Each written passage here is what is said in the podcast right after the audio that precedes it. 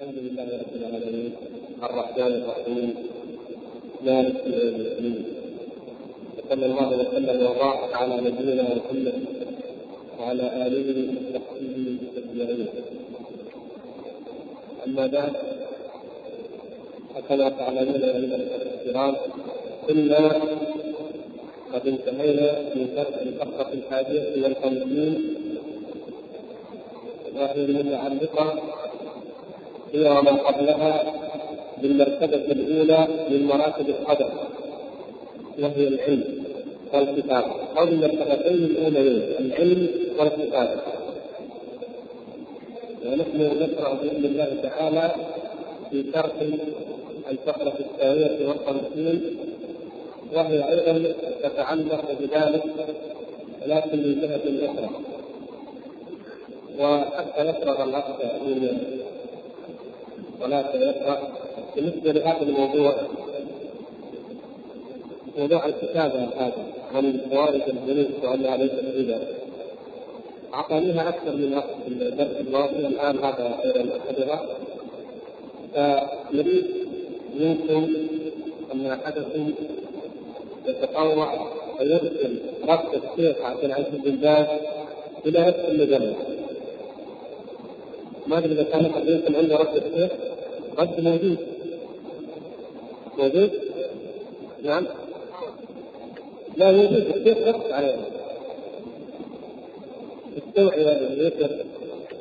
يمكن عند بعض من اللي عنده من الإخوان؟ عندك الشيخ اللي في عبد الرحمن طيب نص على عنوان الصيغه نفسها يرسل لها البحث. على الأقل يعني قد تنشر وقد لا تنشر لكن المهم أن تبلغ بذلك. يعني جزاكم الله لأن هذا فيه وفيه اثبات للعامة والخاصه هناك اظن تفضل.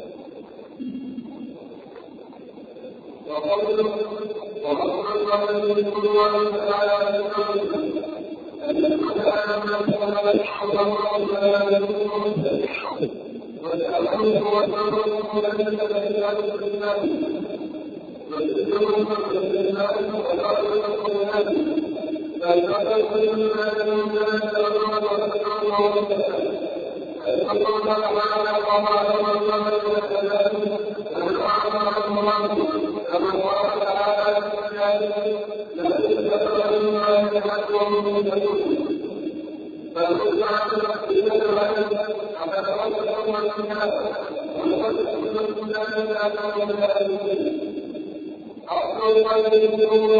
قال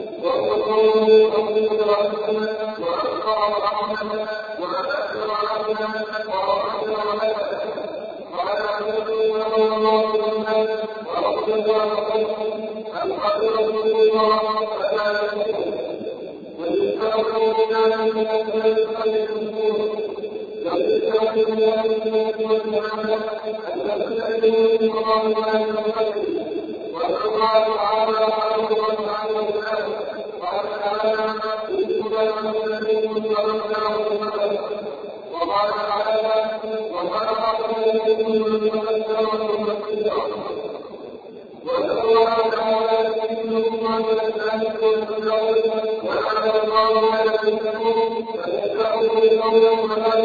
يكتبون فيدعوا قولا فلا يسمعون وقال تعالى من الذين والمحسنين ونقول ان الله يسال بذلك من الناس والتعقب فرسول الرسول فرسول تعالى اذا كان يقول بالمعروف والنسال وعلمه الخير وجعله الله ويمسكهم من الله بالله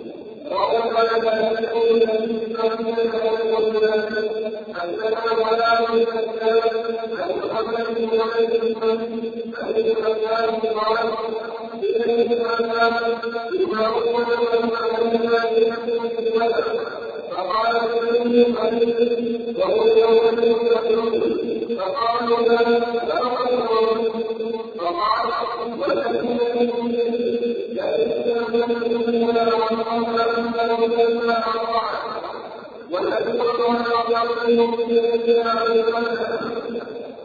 فإني سمعت رسول الله صلى الله عليه وسلم كأنه من الكتاب يقول بهذا فاصطلحوا على الإسلام الإسلام الذين من قوله هذا قول الإسلام إلى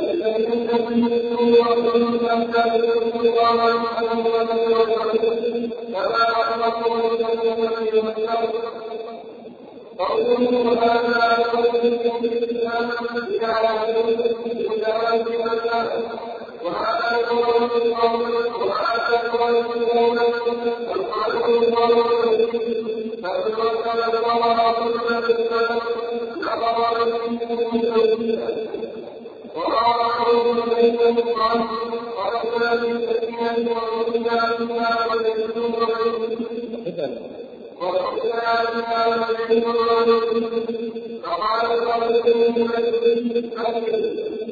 قال قال قال حتى يمنع الله فقال الصدري ان الله يقول فلا تنسوا قال النبي أراد الله ورسوله فكان ورسوله على الرجل وفي رواية أنه قال فأما على الله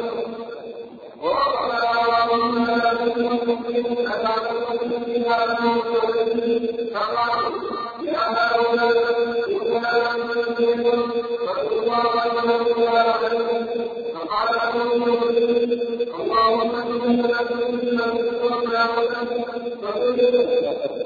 اللهم لا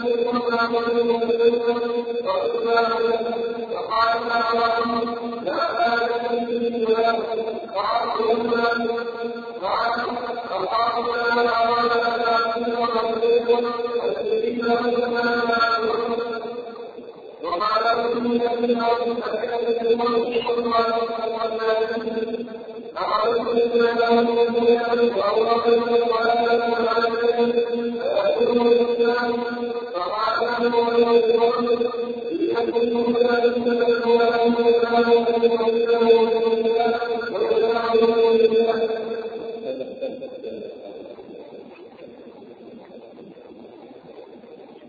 يقول الإمام أبو جعفر الصحابي رحمه الله صاحب المرجع واصل القدر سر الله تعالى في خلقه.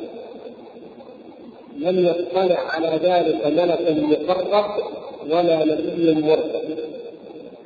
فيشرح الشارح رحمه الله تعالى هذه العبارة فيقول اصل القدر سر الله في خلقه وهو قوله اوجد وأثنى واخطر وأغنى وأمات وأحيا وأضل وهدى. اي القدر ليس القدر كله سرا. وإنما أصله هو الذي سر. ومعنى ذلك أن الذين ينهون عن الخوض أو عن البحث في القدر مطلقا كما يفعل بعض الناس قديما وحديثا الذين يقولون لا نتعرض لمبحث القدر بإطلاق لأن هذا يبعث يبعث الشك هذا البحث يبعث الشك والريب مطلقا هذا خطأ لأنه كما تقدم الصحابة رضوان الله تعالى عليهم سألوا النبي صلى الله عليه وسلم عن أدق الأمور في القدر أي في القدر الذي يستطيع العقل أن يزول فيه وأن ينظر فيه. مثل سألوه أنا في الحديث من حديث علي رضي الله تعالى عنه الذي في وجابر وغيره عندما قالوا له يا رسول الله هذه الأعمال التي نعملها أهي فيما نستقبل من أمرنا أم فيما جفت به الأقلام وجرت المقادير حديث سراقة وغيره. وكذلك حديث عمران بن عمران بن حسين رضي الله تعالى عنه لما أن سأله أو سأل أبا الأسود الدؤلي عن مسألة القدر فقال أولا يكون ذلك ظلما؟ أي كيف يقول الله تعالى قد قدر وكتب ذلك؟ ثم يحاسب العباد عليه فقال أفلا يكون ذلك ظلما؟ فقال له أبو الأسود قال فجزعت رجعت من ذلك فزعا شديدا وقلت لا يسأل سبحانه لا يسأل عما يفعل وهم يسألون.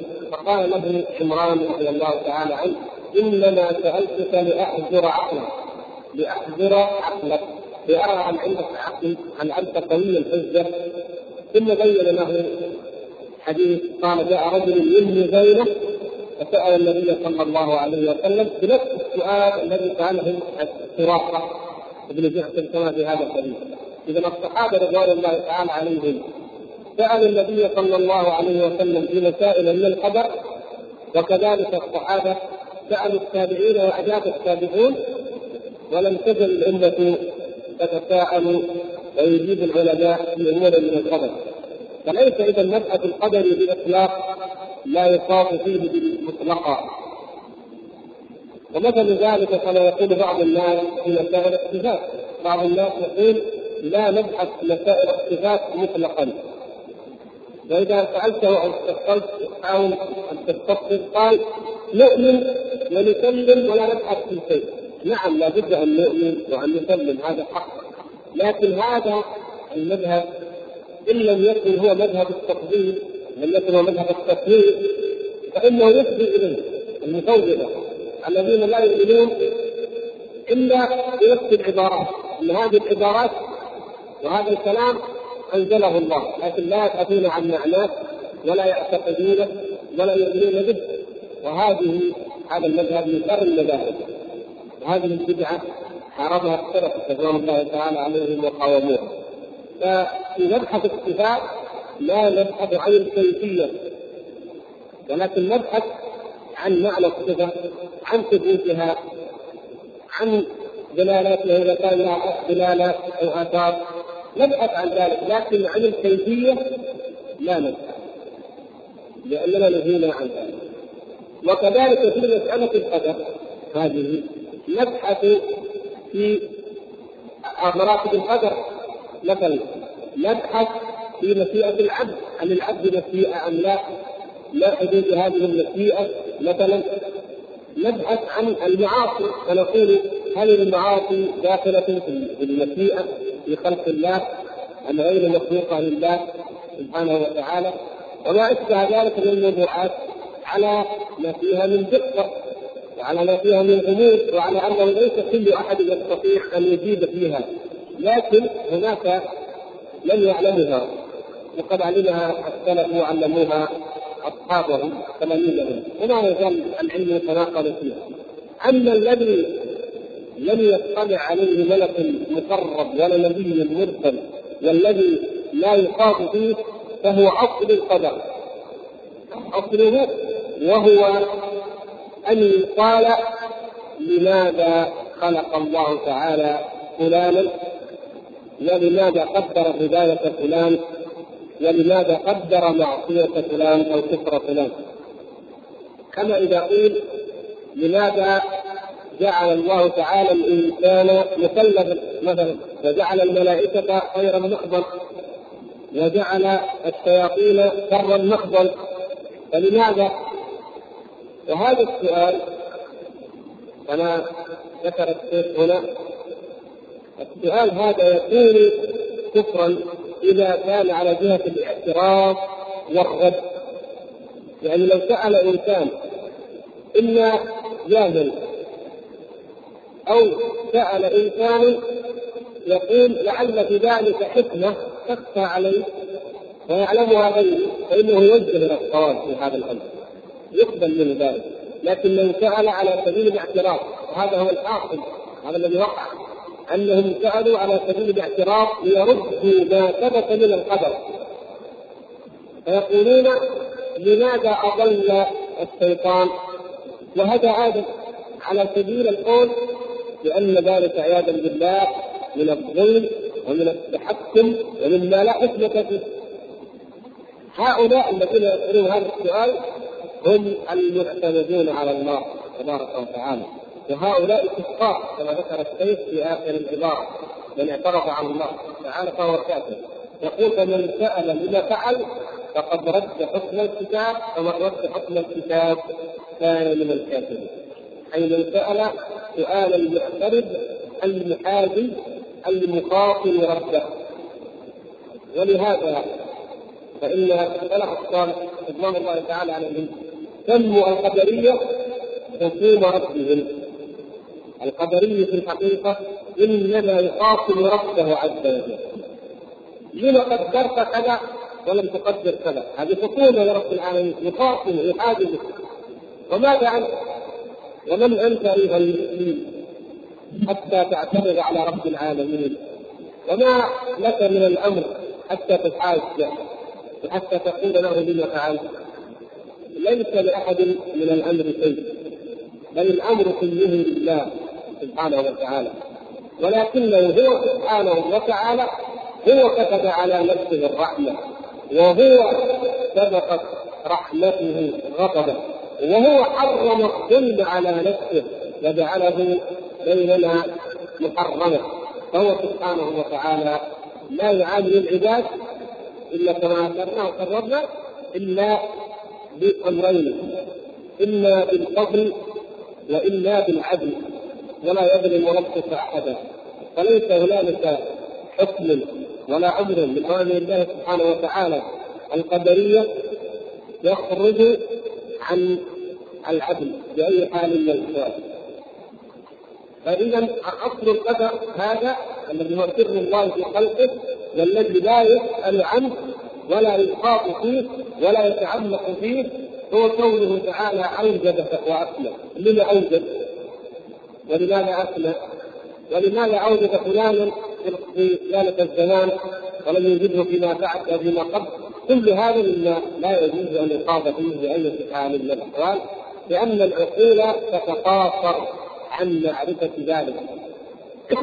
وهذا الذي أمرنا فيه بأن نسلم لرب العالمين سبحانه وتعالى وهو الذي خلق هذا الخلق وهو الذي أعطى ومنع وهو الذي أمات واحيا وهو الذي أضحك وابكى وهو الذي أغنى واغنى سبحانه وتعالى وهو الذي أضل وهدى. لا يسأل عما يفعل وهم يسألون. قال علي رضي الله عنه القدر سر الله ولا نكتبه هذا القول من علي رضي الله تعالى عنه يتناقل في بعض كتب الأدب كتب التراجم وأنا إلى الآن لم أعثر عليه مسندا متصلا بسند صحيح. ولكن إن كان المقصود بالعبارة هو أن القدر الذي هو أصل القدر طبعا سر فلا نسأل عنه ولا نبحث عنه فهذا يتفق مع ما ذكرنا ولا إشكال في ذلك.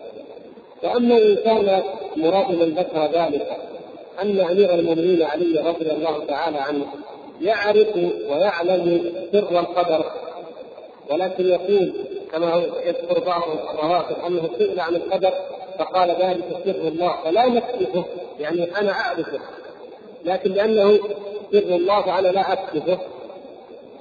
لهذا يتناقض مع ما قررنا. الشيخ رحمه الله يقول لم يطلع على ذلك ما لكم مقرر ولا نبي مرسل. فكيف يكون علي رضي الله تعالى عنه يعرفه ولكنه لم يبينه ولم يكتبه لأن عقول الناس لا تحتمله كما أشار إلى ذلك أبي حامد الغزالي وغيره أن علي رضي الله تعالى عنه عنده ألف باب من العلم وفي كل باب على ألف مدينة إلى آخر ذلك. وأنه لا يمنعه من بث ذلك العلم إلا أن الناس لا تحتمله عقولهم سبحان الله وأي علم لا تحتمله عقول البشر وأفضل الناس علما وأكملهم عقلا هم أصحاب النبي صلى الله عليه وسلم. أفلا كان علم ولد واحدا منهم هذا العلم؟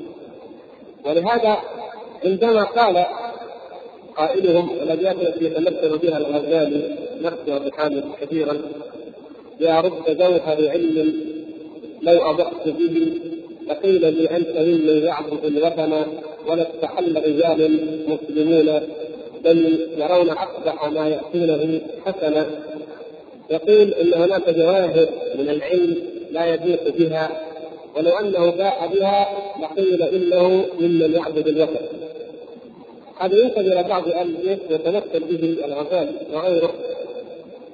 فلو أنه باح به لقالوا إنك تعبد إنك تعبد الأوثان ولا تتحلل دمه ولهذا يقتله ولهذا ألف كتاب المبني به على غير اهله ويجعلون كلمة علي رضي الله تعالى عنه هذه من هذا الباب.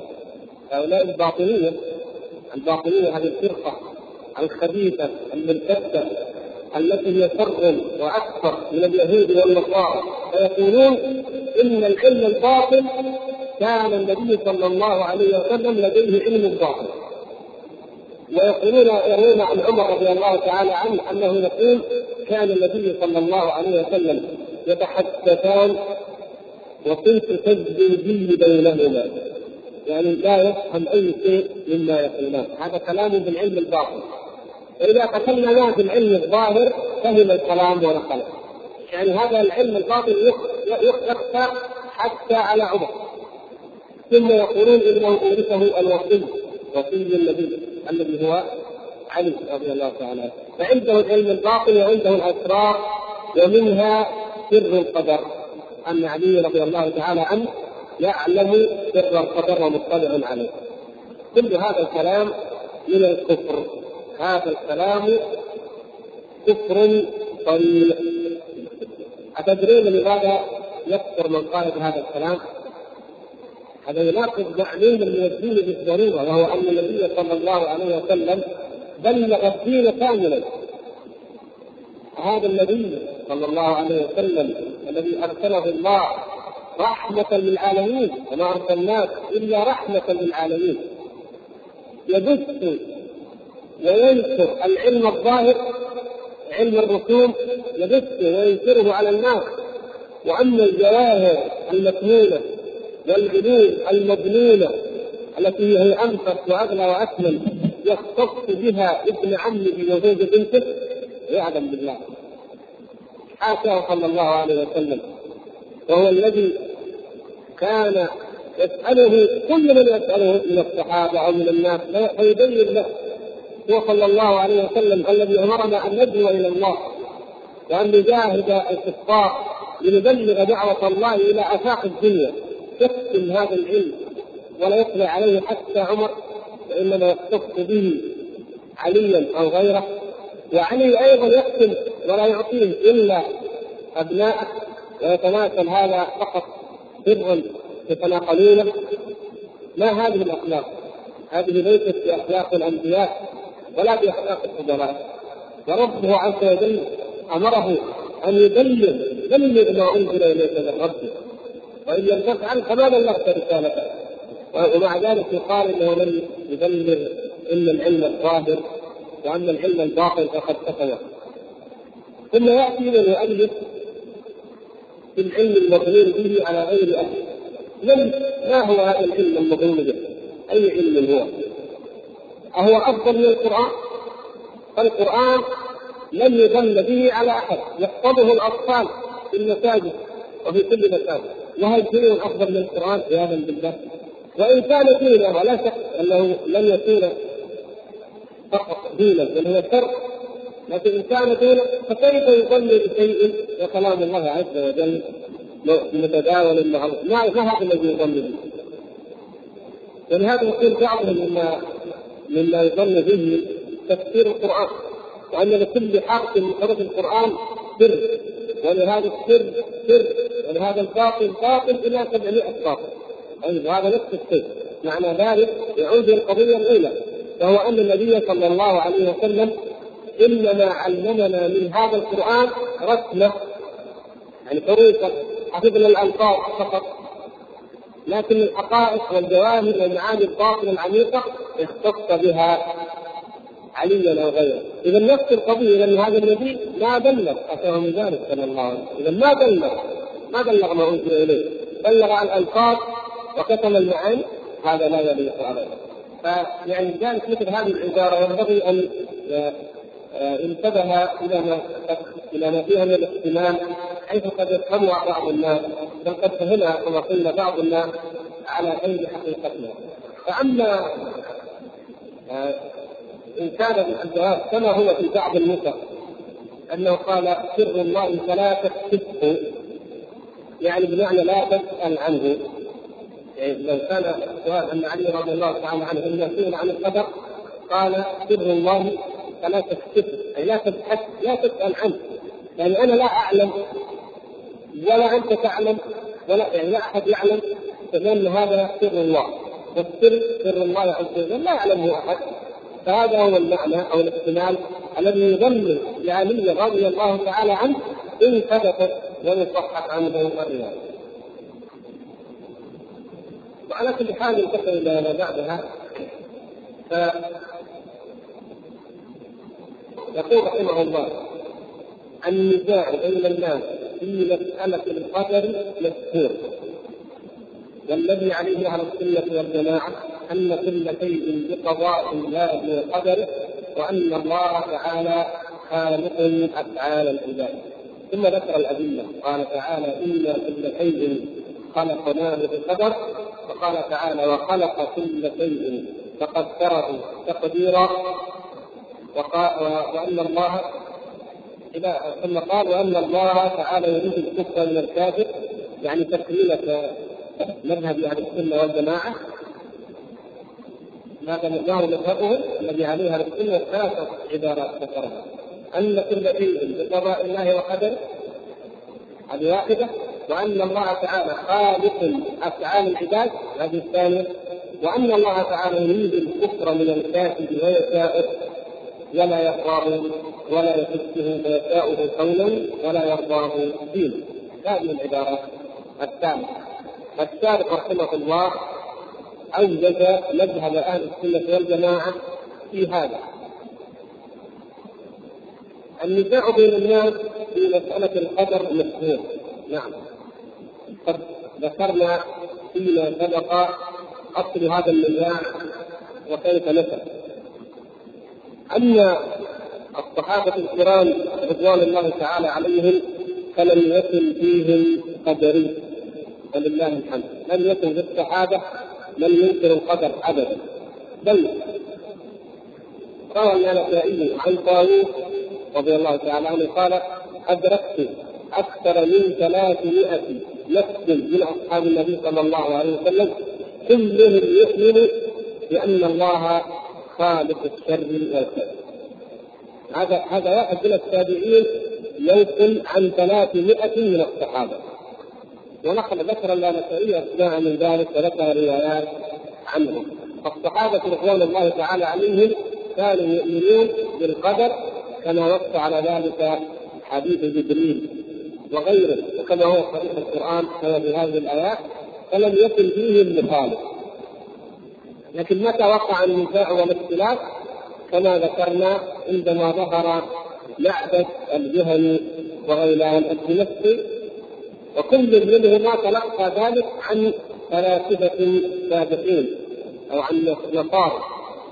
كما أشرنا أن لعبة لأنه كان في البصرة والبصرة قريبا من مذاهب الزرادشتية ومذاهب الفلسفات الهند والطائيين والنجوم فهنالك كانت لديهم هذه الأمور والفلسفات فوقعت أو في قلب غيلان أو سمعها منهم. وكذلك آه معبد معبد في البصره وأما غيلان فإنه كان في دمشق وكان بها النصارى.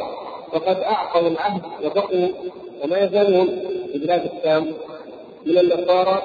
ويقال إن كيف أو خصوصا النصراني ايا كان الرجل أو يسمى أو يقول إنه يحنى إلى اخره أن هذا الرجل هو الذي علم غيلان بنفسه شبهة القدر. المهم أن ذلك حصل حصلت هذه الشبهة. كما اشرنا في المره متى حصلت؟ في عهد من؟ في عهد الصحابة. نعم في عهد صغار الصحابة أو في عهد التابعين.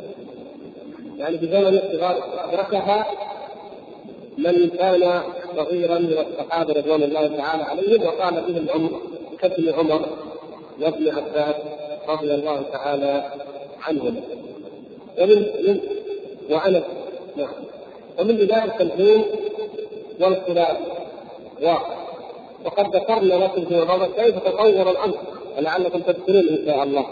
كيف تطور من مسألة الكلام في معاصي العباد. إلى أن آل إلى الجبر المحض أو آل إلى وحده الوجود الجبر آل إلى وحده الوجود عند الصوفيه وكذلك آل الأمر للذين ينكرون القدر إلى أن ولد فيهم من ينكر علم الله سبحانه وتعالى الذي لا ينكره ولا يجهله أحد.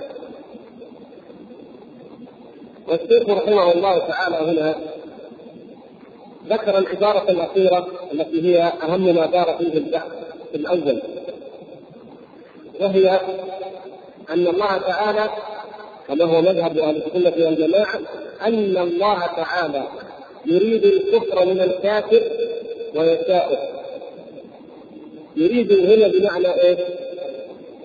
ها؟ بمعنى يشاؤه لكن يريد اذا كانت بمعنى يشرعه أو يطلبه لا. يعني الاراده بما تختلف الإرادة عن المشيئه؟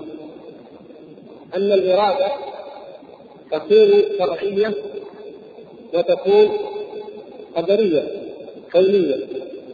إذا كانت الإرادة قدرية كونية فهي بمعنى المشيئه لكن إذا كانت الإرادة شرعية شرعية فهي بمعنى شرع وطلب فليست هنا إذا قلنا مثلا كان ما السؤال إن لو واحد تارك صلاة واحد تارك صلاة فسألك واحد هل أراد الله تعالى من هذا الرجل أن يصلي؟ فقلنا لا نجيب على احتمال لا لا معنى أراد الله منه أن يصلي إن كانت بمعنى شرع وأحب أن يصلي؟ نعم. الله تعالى شرع ذلك وأمر وأحب أن يصلي لكنه لم يصلي. وإن كانت بمعنى أراد بمعنى شاء وقضى وقدر أن يصلي يقول لا لأنه ما صلى لاحظتم كيف؟ أو العكس. فإذا لابد أن نفرق بين معنيي الإرادة. الشيخ هنا لما عطف عليها المشيئه إذا قصده بمعنى الاراده الكونيه أن الله تعالى يريد الفطره يعني كونا ويشاءه ولكن قال ولا يرضى ولا يحبه قال فيشاؤه كونا ولا يرضاه دينا. يعني شرعا. نعم. الله سبحانه وتعالى ما يكون في الكون كله. في هذا العالم في عالم الوجود لا يكون من خير أو شر من محبوب أو مضغط هذا كله يشاءه الله كله بمشيئة الله سبحانه وتعالى. كله بإرادة الله التي هي مشيئته. لكن شرع الله ودين الله سبحانه وتعالى يأتي فيطلب من الناس ويشرع ويطلب لهم امور ويريد منهم امورهم فأما ما كان من مشيئة الله فلا بد أن يتحقق. أي شيء أراده الله لا بد أن يكون ما شاء الله كان وما لم يشاء لم يكن ولكن ما أمر الله به وما شرعه الله هل لا بد أن يكون؟ لا.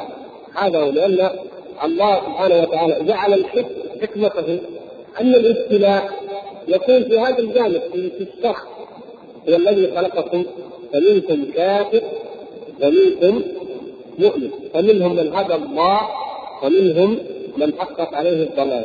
فريقا هدى وفريقا حق عليهم الضلال. هكذا اذا هي المسألة هنا الابتلاء في مسألة الأمر الشرعي الطلبي. الذي أحبه الله سبحانه وتعالى ورضي. هذا يتحقق من قوم ولا يتحقق من آخرين. لكن كل ما يعمله هؤلاء الناس مما وافق شرع الله أو خالف شرع الله أو كان من أعمال مباحة يعملها الكافر أو المؤمن كل ما يكون في الكون فهو موافق للإرادة الكونية وللمشيئة العامة الكاملة هذا هو موجب كلام أهل السنة والجماعة. وقال في ذلك القدرية والمعتزلة. وقد ذكرنا لكم أن القدرية أول ما نشأت نشأت على يد معبد وغيلان فلم يكونا معتزلة. لكن ورث ذلك المعتزلة. المعتزلة ورثوا القدر. لما جاء زعيمهم عمرو بن عبيد الذي كانت قصته فعمرو بن عبيد ورث القدر عن معبد ونشره فأصبحت إذا قيل القدرية يطلق على من؟ على المعتزلة. أصبحت كلمة القدرية تطلق على المعتزلة. ثم لما أن دخلت الرواتب في دين الاعتزال في القدر الاتفاق والقدر. واعتنقت دينهم ابتداء من القرن الرابع كما بعده دخلت الروافض في المخرجين المعتزلة. واخذ عقيده المعتزله في جوانب الاعتقاد. وبقيت لديها هي المسألة التي تختص بها وما يتعلق بالمعنى وما أشبه ذلك. لما أخذوه أخذوا معه القدر. فأصبحت عقيدة المعتزلة الآن التي هي القدر في القدر من أجل الصفات. هذه موجودة عند من؟ عند الروافض الآن. أيوه هم عليها. زي ما قلنا في كتاب من هذه السنة مثلا. فإذا لما قال الشيخ القدرية والمعتزلة كأنه يشير إلى الترتيب التاريخي. القدرية ناس ظهروا اول الامر انكروا القدر في زمن الصحابة زي ما قلنا بعد ذلك ظهرت المعتزلة ورثوا ذلك. ثم بعد ذلك ورث المعتزلة الرافضة. خالقوا ماذا قالوا؟ زعموا أن الله شاء الإيمان من الكافر ولكن الكافر شاء الكفر.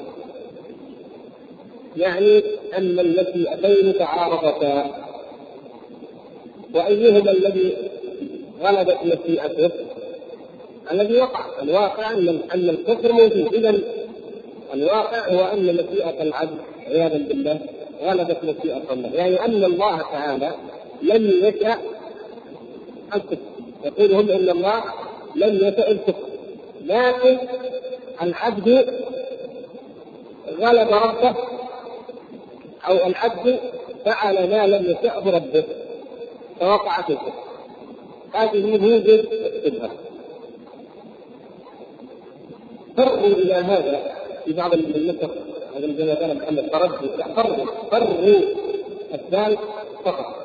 فروا إلى هذا لئلا يقولوا باء الكفر من الكافر وعذبه عليه. آه هذا اصل الشبهه اصل الشبهه واصل السؤال. أنه قيل آه الله شاء الكفر من الكفار وشاء المعصية من المعاصي. قيل لهم نعم. قال كيف يشاؤه ثم يعذبهم عليه. أليس هذا ظلما؟ هذا السؤال الذي سأله عمران بن حصين لأبي الأسود الدؤل لكن هؤلاء الناس لم يأخذوا الجواب من النص من الدليل من الصحابة من أهل العلم. وإنما أعملوا عقولهم أو فكروا أو أخذوه كما ذكرنا من فلاسفة اليهود والنصارى والصابئين. فقالوا إذا لا مخرج من هذا إلا أن نقول إن الله يتنزه عن الظلم ولهذا نقول إن الله لم يشا الكفر ولم يشا المعاصي وإنما وقعت بمحض مشيئة العبد. لما قالوا ذلك مثلا غيلان قال ذلك في زمن أمير المؤمنين عمر بن عبد العزيز رضي الله تعالى جاء به وتعلمون من هو عمر بن عبد العزيز رضي الله تعالى عنه. وما هي منزلته في العلم؟ فضلا عن منزلته في التقوى والعدل في الخلافه لكن أيضا منزلته في العلم. سال غيلان عن ماذا؟ عما اثرنا نقل ذكرناه لكم سابقا. لما قال الإمام أحمد والتابعي وغيرهما قالوا ناظر القدرية بماذا؟ بالعلم المكتبه الاولى عمر بن عبد العزيز رضي الله تعالى عنه سأل غيلان عن العلم قال يا غيلان أتؤمن أن الله يعلم؟ وكتب علم وكتب أفعال العباد خيرها وشرها؟ قال نعم. قال فقد حزنت نفسا أنت محزون مخطوط ولو بحثت لكفرت لازال ما يعلم؟ كفر لكن قال يعلم فقد حج نفسه. ولهذا أفضل قول بهم بغلاتهم إلى انكار العلم. قال إن الله عياذا بالله لم يعلم ذلك ولم يكتبه وان الأمر الف ولهذا هؤلاء هم ولاة القدرية. كما أشرنا ولاة القدرية هم من؟ هم الذين أنكروا العلم. والذين أنكروا العلم ما حكمهم كفار. أكثر ذلك الإمام مالك. تبع الفتوى أمير المؤمنين عمر بن عبد الله تعالى عنه. والإمام أحمد والشافعي وغيرهم لأن طريق القرآن دال على كفرهم ومعلوم من الدين بالضرورة عند عند المسلمين عامتهم وخاصتهم أن الله سبحانه وتعالى يعلم كل شيء ما كان وما سيكون فمن أنكر علم الله بمعاصي العباد وبكفرهم وأنه لا يعلم بها إلا بعد أن يفعلوها فهذا كان إذا هذا القول هو قول غلاة القدرية بقي القول في القدرية غير العلماء ماذا قالوا؟ أنكروا المرتبة الأخيرة كما ذكرنا وهي الخلق أن الله تعالى خلق أفعال العباد من الشر قالوا كيف يكون الله سبحانه وتعالى شاء أو خلق الكفر؟ أو الفجور أو الزنا أو الخمر في العباد. فظنوا أنهم بذلك ينزهون الله تعالى عن الظلم وعن الشر ولهذا يقول الشيخ رحمه الله فروا إلى هذا لئلا يقولوا شاء الكفر من الكافر وعذبه عليه. ولكن صاروا خلق السبيل إلى الرمضاء بالنار أصبح حاله مكانهم كمن يستدير إلى الرمضاء بالنار لأنهم هربوا من شيء فوقعوا فيه ما هو شر منه. هربوا من نسبه الشر إلى الله أو مشيئه الشر إلى الله وقعوا في شر من ذلك وهو القول بأن مشيئه العبد غلبت مشيئه الرب. أو الغلاف وقع في شر من ذلك وهو انهم ارادوا أن ينزه الله عن الذنب. وينزه الله عن نسبه الشر إليه ومشيئه الشر إليه. وقعوا في اقبح من ذلك وهو القول بانه يجهل ذلك تعالى الله عن ذلك كبير اللي ما يدري ما يعلم هذا شر هذا شر واشد واخبث قولا مما قروا منه وهو أن الله شاء ذلك سبحانه وتعالى. قال فإنهم هربوا من شيء وقعوا فيه وهو شر منه. فإنه يلزم أن مشيئه الكافر غلبت مشيئه الله تعالى فإن الله قد شاء الإيمان منه على قوله يعني إن الله لم يشأ لم يشأ من الكافر إلا الإيمان يقولون هم إن الله لم يشأ من الكافر إلا الإيمان ولكن الكافر خرج عن مشيئه الله وفعل اذا هم في هذه الحالة يجعلون المشيئه هي إيش؟ هي إيش؟ لما يقول لم يشأ إلا الكفر. جعلوها بمعنى الرضا وبمعنى الشرع نعم. بمعنى الرضا وبمعنى الشرع نعم الله تعالى لم يرضى ولا يرضى من الكافر ولا من أحد من الخلق إلا الإيمان. ولم يشرع الله بالخلق إلا الإيمان. لكن رضاه وشرعه شيء ومشيئته شيء آخر. هذا هو. فهم لم يفرقوا بينهما. فيقولون إن الله قد شاء الإيمان من الكافر والكافر شاء الكفر. فوقعت مشيئة الكافر دون مشيئة الله تعالى.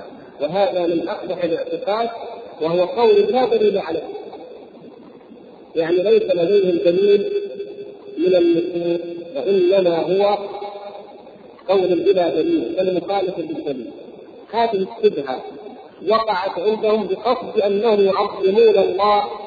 ويجلونه وبغرض اخر وهو أنهم قالوا لا نفتح المجال لأهل المعاصي أن يعتذروا بالقدر وأن يعتذروا بالقدر.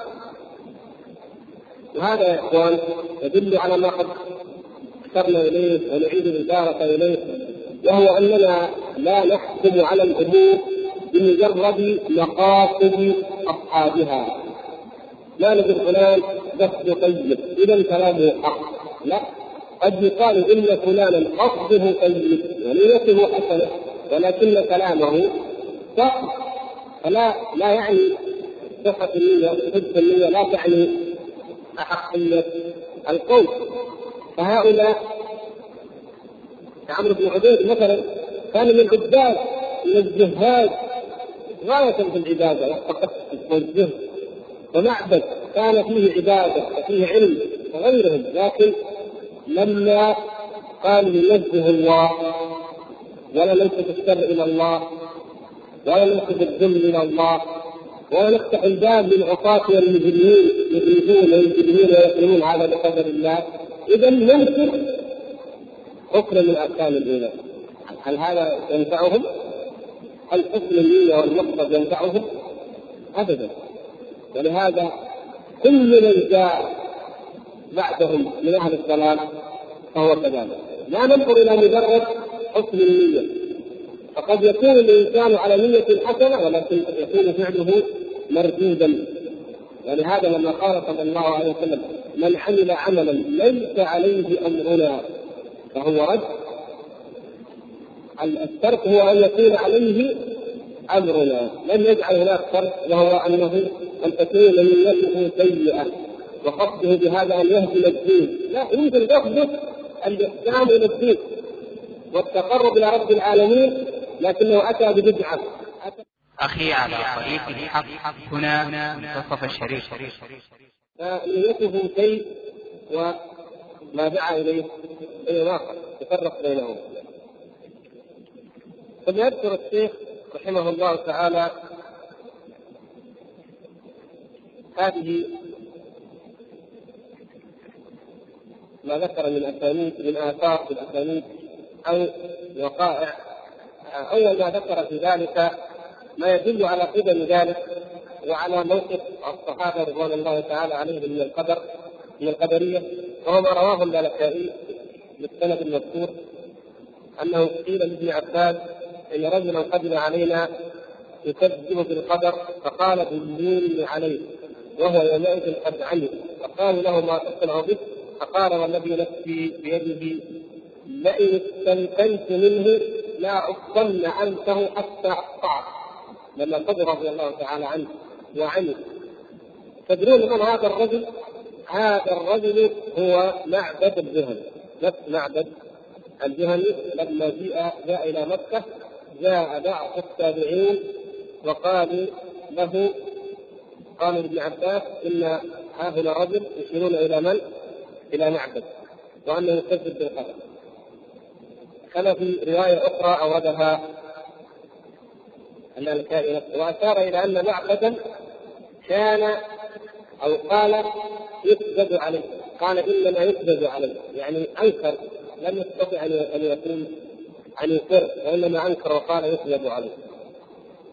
يقول لئن استمكنت منه لا أفضل أنفه حتى أقطعه ولئن وقعت رقبته بيدي لأدخلنها هذا عبد الله بن عباس رضي الله تعالى عنه انظروا إلى شدة الصحابة رضوان الله تعالى عليهم في معاملة أهل البدع وفي مقاومته ولا سيما إذا كان العصر عصر السنة فأتى رجل من أهل البدع يريد أن يهدم السنة. يعني الحال تغير. لو أن أهل السنة قله قليلة وأهل البدعه هم الغالبون حينئذ يكون الحال أن أهل السنة أن يكفوا أيديهم ويدعوا أهل البدع قليلا قليلا. لكن إذا كان الناس في سنة وخير ثم يأتي رجل مبتدع ليفسد ما هم عليه من الحق فإنه يقاوم أشد المقاومة. يقول فإني سمعت رسول الله صلى الله عليه وسلم يقول كاني لنساء بني صهر يقفن بالخزرج فاستبقوا إياكهن مشركات. إلى هنا يعني نعم لا بني صهر بني صهر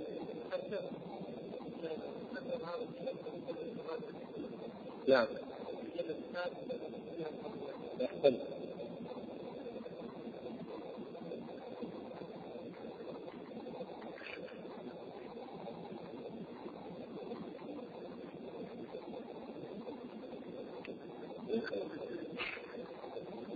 هذا الأثر هو كما ذكر المعلم أنه ضعيف بالنسبة من هذه الطريق لأن فيه العلاء بن الحجاج. لكن بالنظر إلى أن الأثر موقوف والكلام هنا لا يهمنا إلا كلام ابن عباس رضي الله تعالى عنه. يعني من جهة الوقت موقف ابن عباس من ذلك. ذكر اللالكائي نفسه في موضع آخر أي هذه القصة وذكرها ابن بطة وذكرها ذكروها بطرق من طرق أخرى كلها تؤيد أن الأمر وقع. يعني مجموع الطرق يؤيد ان الامر قد وقع وأن ابن عباس رضي الله تعالى عنه قد توعد ذلك الرجل الذي جاء في احدى آيات المالكيه أنه معبد قد توعده بذلك. أما مسألة عودة الشرك يقول كما أشار الشيخ يقول هذا أول شرك في الإسلام من هنا على يمين ابن عباس رضي الله تعالى عنه. أما ما يتعلق بعودة الشرك فهو المرفوع عن النبي صلى الله عليه وسلم وهو أن اليات نساء الصوت ستضطرب على بالخلقه فهذا معلوم لديكم أنه صحيح ثابت مرفوع عن النبي صلى الله عليه وسلم. لكن ابن عباس رضي الله تعالى عنه اولا توعد الرجل الذي هو توعده بما تقدم. ثم استدل بأن الشرك سيقع في هذه الأمة. استدل بذلك على أن هذا من الشرك. يعني ما دام أن سيعود الناس كما اخبر النبي صلى الله عليه وسلم لا تقوم الساعة حتى تلحق فئام من امتي بالمشركين وحتى تضطرب إلياس الزائدا على ذي الخلقه وهو صنم اطعم في الجاهلية. يقول ما دام الشرك سيقع هذه الأمة. وهي أمة الإيمان وامه التوحيد والسنة سوف يقع منها الشرك يعقب ابن عباس رضي الله تعالى عنه على ذلك فيقول هذا أول شرك في الإسلام. اذا هذا إنكار القدر أول شرك قد قد ابتدأ. ولهذا في رواية أخرى قال أو قد فعلوها قال رجل من ابن عباس رضي الله تعالى عنه ها هنا رجلا يكذب بالقدر. قال أو قد فعلوها يعني قد وقع ذلك هذا أول شرك في الإسلام. اذا هذه الأمة ستعود إلى الشرك فيقع فيها الشرك حتى أن فئات منها وطوائف تلحق بالمشركين وإن بقي لها اسم الإسلام أو دعواه ما هو أول شرك وقع؟ قال ابن عباس رضي الله تعالى عنه هذا أول شرك ولهذا قلنا إن السلف سموا القدريه مجوس هذه الامه سموهم مجوس هذه الامه لأنهم اثبتوا إلهين المجوس يثبتون إلهين خالقين إله الخير وإله الشر. وهؤلاء أيضا أثبتوا أن العبد يخلق الشر وأن الله تعالى يخلق الخير. اذا هذا الشرك اذا هذا أول شرك وقع أو في هذه الامه يقول رضي الله تعالى عنه هذا أول شرك في الإسلام والذي نفسي بيده. لينتهين بهم سوء رأيهم حتى يخرج الله من أن يقدر الخير كما اخرجوه من أن يقدر الشر. نعم. باب الشر إذا فتح لا ينتهي. لهذا قال من قال من السلف إياكم ومحدثات الأمور فإنها تبدو صغارا ثم تؤول كبارا هكذا. أول ما بدأوا ينزهون الله بزعمهم عن الشر. لا يثبتون أنه خالق الشر. قال ينتهين بهم سوء رايهم هذه العقيدة الضالة والرأي الفاسد الباطل فينتهي بهم إلى أن يخرج الله من أن يقدر الخير ولهذا كما ذكرنا وجد بعد ذلك أو وجد حتى في زمنهم ذاك من ينكر العلم. من ينكر العلم. اذا من أنكر علم الله سبحانه وتعالى فهو أسوأ ممن أنكر نسبه الشر إلى مشيئه الله سبحانه وتعالى. يقول قوله وهذا اول شرك في الإسلام إلى اخره من كلام ابن عباس وهذا يوافق قوله القدر نظام التوحيد فمن وحد الله وكذب بالقدر نقض تكذيبه توحيدا. نظامه أي الذي به ينتظم لا ينتظم التوحيد إلا بالقدر. لأنه كما أثرنا من من أنكر القدر فقد أثبت خالقا غير الله سبحانه وتعالى وهذا سر وهذا هو الذي وقع في القدرية المجوسيه. الرواية الثانية نعم هو يعني كما قلنا أول شيء هذه الروايات موقوفة موقوفة عن ابن عباس رضي الله تعالى عنه وليست مرفوعة إلى النبي صلى الله عليه وسلم ولكن العلماء كابن بطة الإبانة والأذري الشريعة واللالكائي وغيره ذكروها. أولا من ذكروها من عدة طرق والأمر الثاني أن هذه الأمور هذه ليس فيها شيء جديد إنما هي هي وقائع هي أحداث وهي كشف لأمور حقيقية موجودة. فمسألة الإيمان بالقدر قطعية من الكتاب والسنة. لكن كونها ظهرت في زمن كذا أو قال فيها أحد الصحابة كذا هذه من الأمور التي قد يتساهل فيها أن ينقلها رجل ضعيف. ولهذا ذكرها علماء السنة على وجه الاستئناف لا على وجه الاعتماد والاحتجاج ولكن على سبيل الاستئناف والاعتقاد ليس اعتمادا عليها وحدها. فأمثال هذا القول هو حق ومعناه صحيح من القران والسنة. ولهذا يتساهل في نقله لا عن الكذابين والوضائين ولكن عمن في كسبه أو في روايته ضعف. يقول وروى عمرو بن الهيثم قال خرجنا في سفينه الشيخ رحمه الله يروي هذه الواقعة وهذه الحكاية ليؤيد بها ما أشار إليه من أنهم هربوا من شيء فروا من شيء فوقعوا فيما هو شر منه. يقول خرجنا في السفينة ركبوا في السفينة مسافرين وصحبنا فيها قدري ومجوسي مجموعة من أهل السنة ناس مسلمين ركب معهم قدري وآخر مجوسي كافر يقول فقال القدري للمجوسي اسلم القدري داعية يعني ما يستغرب يا اخوان أن يوجد دعاء وهم على بدعه وهم على ضلال. وقد يبذلون جهدهم في الدعوة إلى الله. ويكون قصدهم الدعوة إلى الحق. لكن هل هم على حق أو على باطل؟ هذا ليس يعني قد يبذلون جهدهم هم في الدعوة إلى الله أو فيما يرون يعتقدون أنه حق ولا يكون في الواقع حقا. فهذا القدري حريص على أن يسلم المجوس لكن انظروا إلى سوء بدعته وبطلانها كيف حالت بين هذا الرجل وبين الاسلام فقال القدري للمجوسي أسلم. قال المجوسي حتى يريد الله. ألا تذكركم عبارة هذا المجوسي لمن تقولون له. صلي. ويقول إذا شاء الله. أرأيتم كيف كلام المجوس؟ الشيطان واحد الذي يلقن المجوس يلقن أيضا تاركي الصلاة. آكلي الربا أترك الربا إذا شاء الله. حجب زوجتك إن شاء الله. أترك سماع الغنى إذا أراد الله.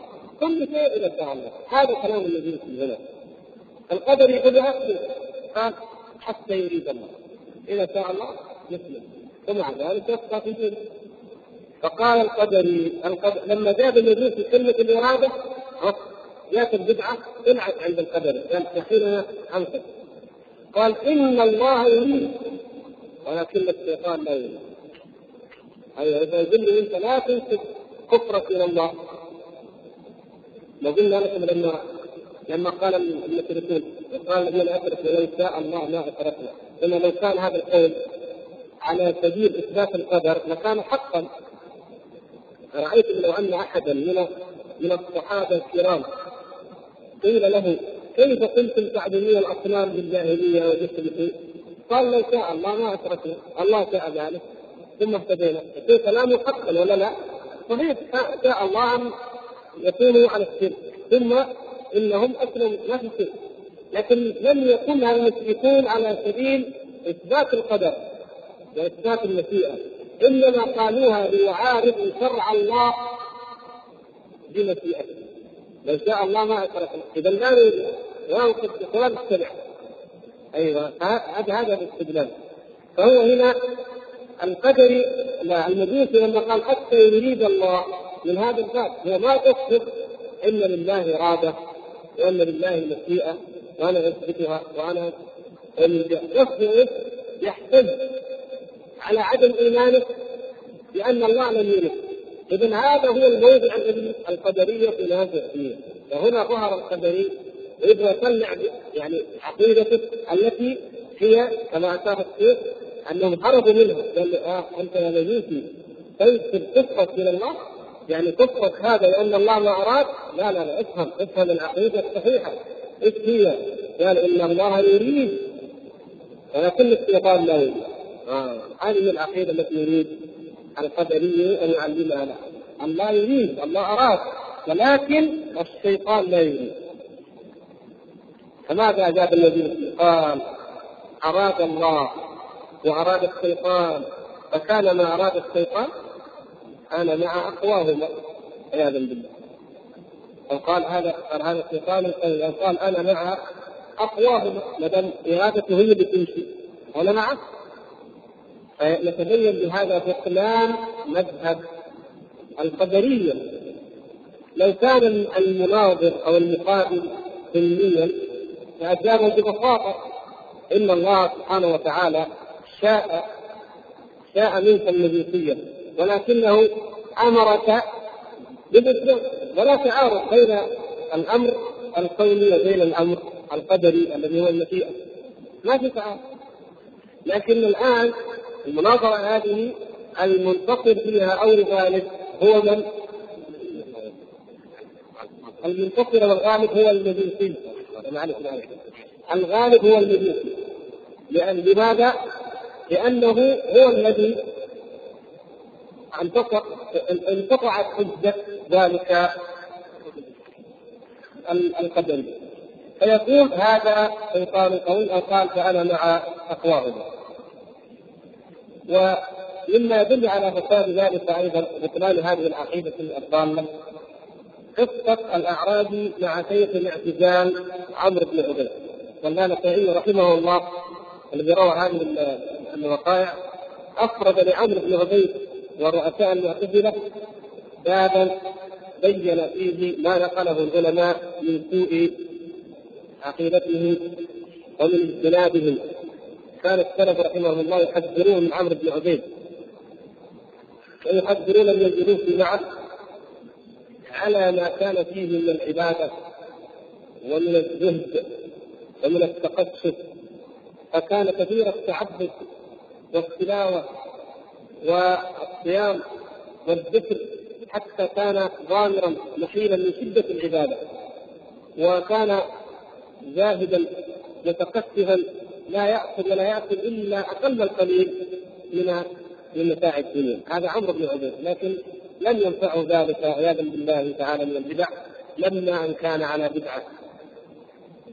فجاء الأعرابي على حلقة عمرو بن عبيد أو حلقة فيها عمرو بن عبيد وغر وخدع الأعرابي بمظهر عمرو بما يقال عن عمرو من العبادة. ورأى فيه ورأى على ظاهره علامات التعبد الطويل فقال له قال الأعرابي أعرابي بدوي عادي ما جاي من الباديه ما يفهم شيء ورأى ناس جالسين توسل فيهم الخير والعبادة. فقال يا هؤلاء ان ناقتي سرقت فادعوا الله أن يردها عليكم الأعرابي مسكين ضاعت ناقته وما عنده حيلة فين فين يدور لها في البصرة. فقال هذول يجيها الخير واحد منهم يدعي الله يبارك الله سبحانه وتعالى وترجع الناقه فادعو الله أن يردها عن قدرها عن ابن عبيد. فقدم عمرو يدعو الله سبحانه وتعالى على أساس إنه هو أصلح الموجودين واتقاهم الذي لو دعا لأجيب من ولايته ولايته وصلاحه. فقال اللهم إنك لم ترد أن تسرق ناقته فسرقت. اللهم إنك لم ترد أن تسرق ناقته فسرقت فارددها عليه يعني دعوه عمرو بن عبيد على مذهبه دعا الله سبحانه وتعالى دعوة نزه الله تعالى فيها عن الشر ونزه الله عن إرادة المعاصي. يقول يا رب أنت المنزه عن الشر عن إرادة المعاصي.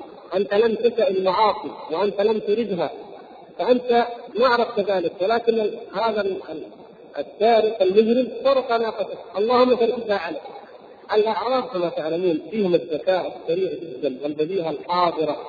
بدون أن يتكلف وبدون أن يفكر كثيرا قال لا حاجة لي في دعائي لا حاجة لي في دعائي هذا الدعاء ما أبي حاجة ما أبغى ما تأتي قال ولم كيف ما تتابع ليش؟ انت ما في فائده من الدعاء؟ قال أخاف كما أراد أن لا تسرق فسرق ان يريد أن يردها فلا ترد.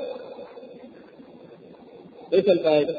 نفس الشيء أراد انها ما تسرق فسرق طيب أراد انها ترجع ما رجعت اذا ما في فائده أبغى واحد يدعي انها ترجع. أما أنت لا دعيت وذهب الأعرابي وتركه انظروا لو كان لدى عمرو بن عبيد إيمان حق وصدق ويريد الخير لكفى به هذا الأعرابي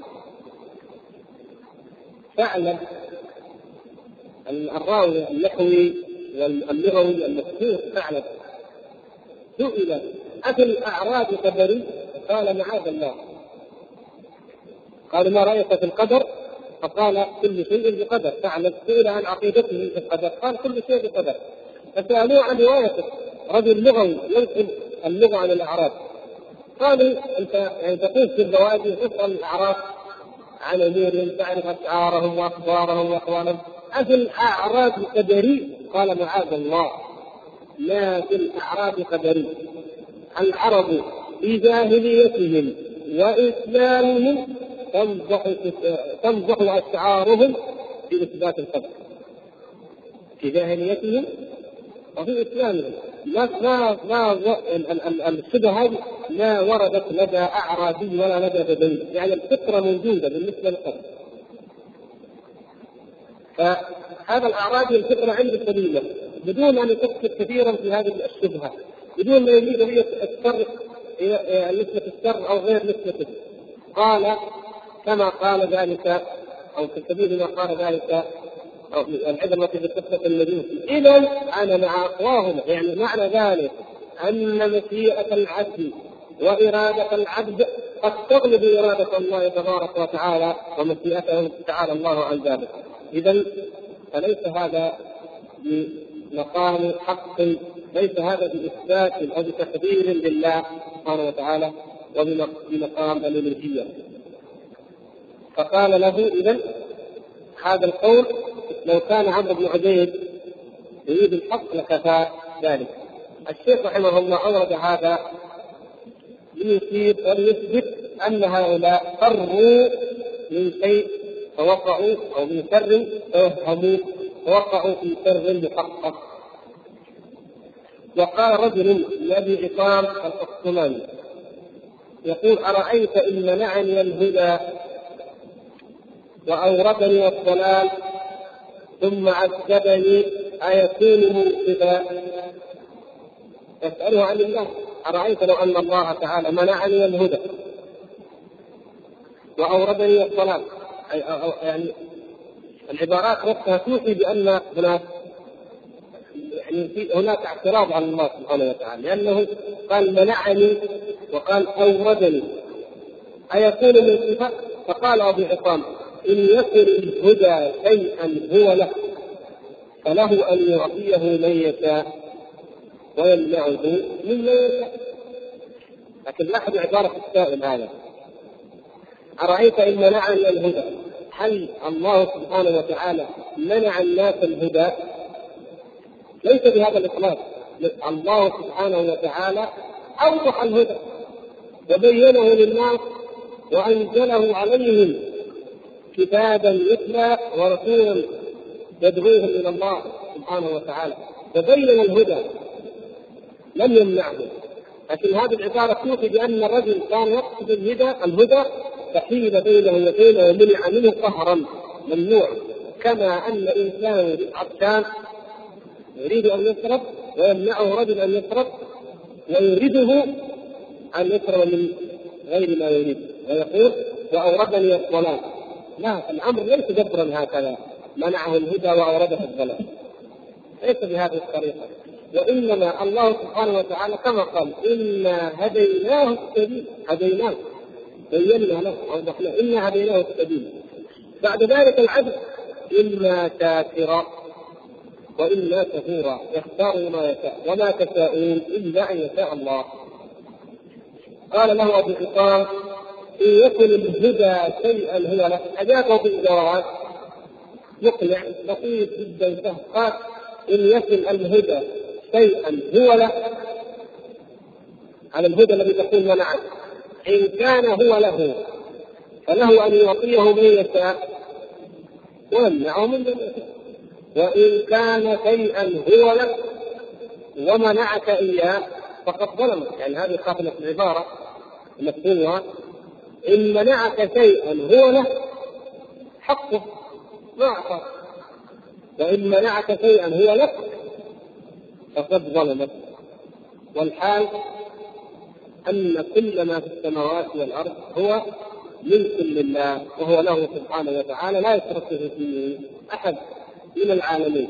وعليه إذا فالله سبحانه وتعالى لم يمنع أحدا من الناس حقه حتى يقال لم لم يعطه أو أنه قد ظلم. ليس لأحد على الله سبحانه وتعالى حق بإطلاق. كما تقدم معنا فيما مضى تذكرون أننا أشرنا إلى ذلك. وشرحناه في مساله التوسط لما ذكرنا في شرح الفقرة كم رقمها؟ الثامنة والأربعين نعم. لما ذكرنا قول الشيخ رحمه الله صفحة 201 عند ال أو 229 نعم. شرحنا أنه حديث معاذ أتدري ما حق العباد على الله؟ هذا هذه العبارة قد توهم بأن حق العباد على الله أن للعباد حق على الله سبحانه وتعالى. هو فالشيخ ذكر هذا قال إن العبد يقول ما ثبت من قول معاذ رضي الله تعالى عنه قبل ذلك يقول ليس لأحد على الله حق إلا ما حقه على نفسه. كقوله تعالى وكان حقا علينا نصر المؤمن. 201 أو 229 وكان حقا علينا نصر المؤمنين وكذلك ما ثبت في الصحيحين ثم ذكر حديث معاذ. يقول فهذا حق وجد بكلماته التامة ووحده الصادق هذا حق وجد بكتاب الله ذلك على نفسه. بوعد الله تعالى لعباده. ومن اصدق من الله قيلا. إن الله لا يخلف الميعاد فإن الله هو المنعم عن العباد بكل خير. نعم. 261 انت عندك كم؟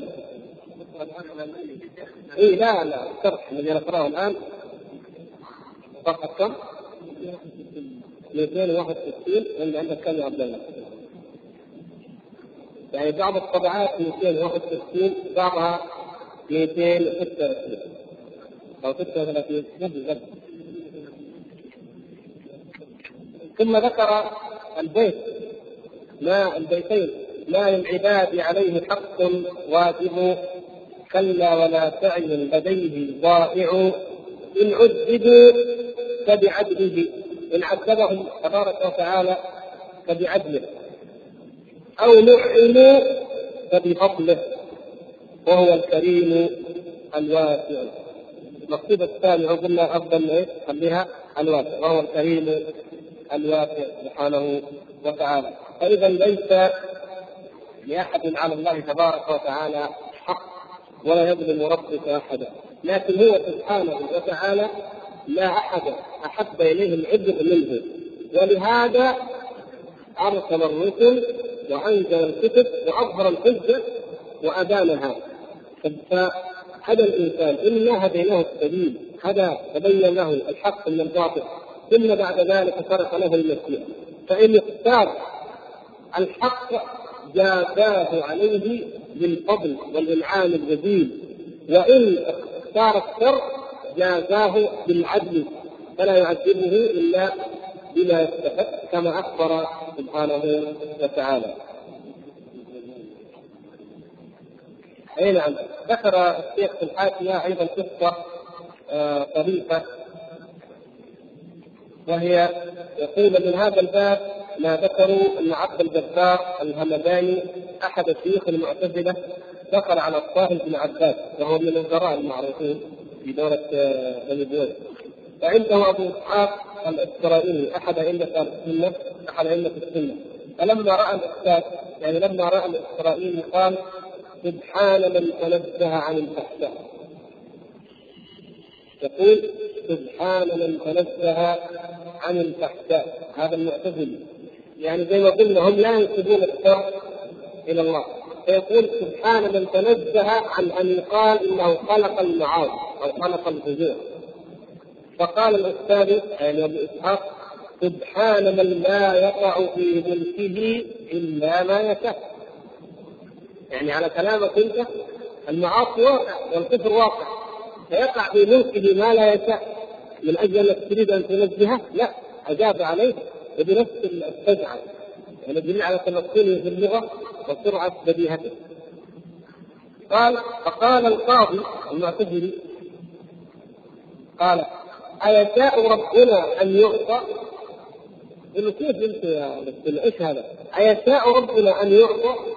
فرد عليه ذاك بسرعة فقال أيعطى ربنا قهرا؟ أنت تقول أيشاء ربنا أن يعطى؟ نعم الله يشاء المعاصي وإلا فإنه إذا يعطى قهرا عياذا بالله لأن المعاصي واقعة والكفر واقع أيعطى قهرا؟ فقال القاضي المعتزل أرأيت إن منعني الهدى وقضى علي بالردى أحسن إلي أم أتى؟ ثم هذا السبع فقال له ذلك قال إن منعك ما هو لك فقد أساء وإن منعك ما هو له فهو يختص برحمته من يشاء فبهت الذي ضل واتبع. بهت القاضي. هذا عبد الجبار. ويذكر في تاريخ الطبري ونقلها ذكرها أيضا النسائي بأسانيد وابن بطة في الابانه قصة أخرى عن آه، غيلان الدمشقي القدري أنه قال لميمون بن مهران بحضرة هشام بن عبد الملك الذي اتى به ليناقشه وورد أن الأوزاعي ناقش هو الذي ناقش وقيل لميمون بن الله أعلم. انه ناقشه بعض التابعين في حضرة عبد الملك أو في حضرة آه، هشام بن عبد هشام بن عبد الملك أو آه، يزيد. قال أشاء الله أن يعطى يقول الطبري أيضا أشاء الله أن يعطى. كيف شاء الله؟ المعاصي. إذا قلت كذا معناته أن الله يشاء أن يعطى. فرد عليه ميمون أو الأوزاعي التابعين بنظره قال له أفعصي كارها؟ المعاصي موجودة إذا هي وقعت. يعني غصبا عنه تعالى الله عن ذلك علوا الكبر فبذلك يتبين لنا وجه أو أصل شبهة هؤلاء القوم وما يلزم لهم من الباطل الذي وقعوا فيه عندما فرق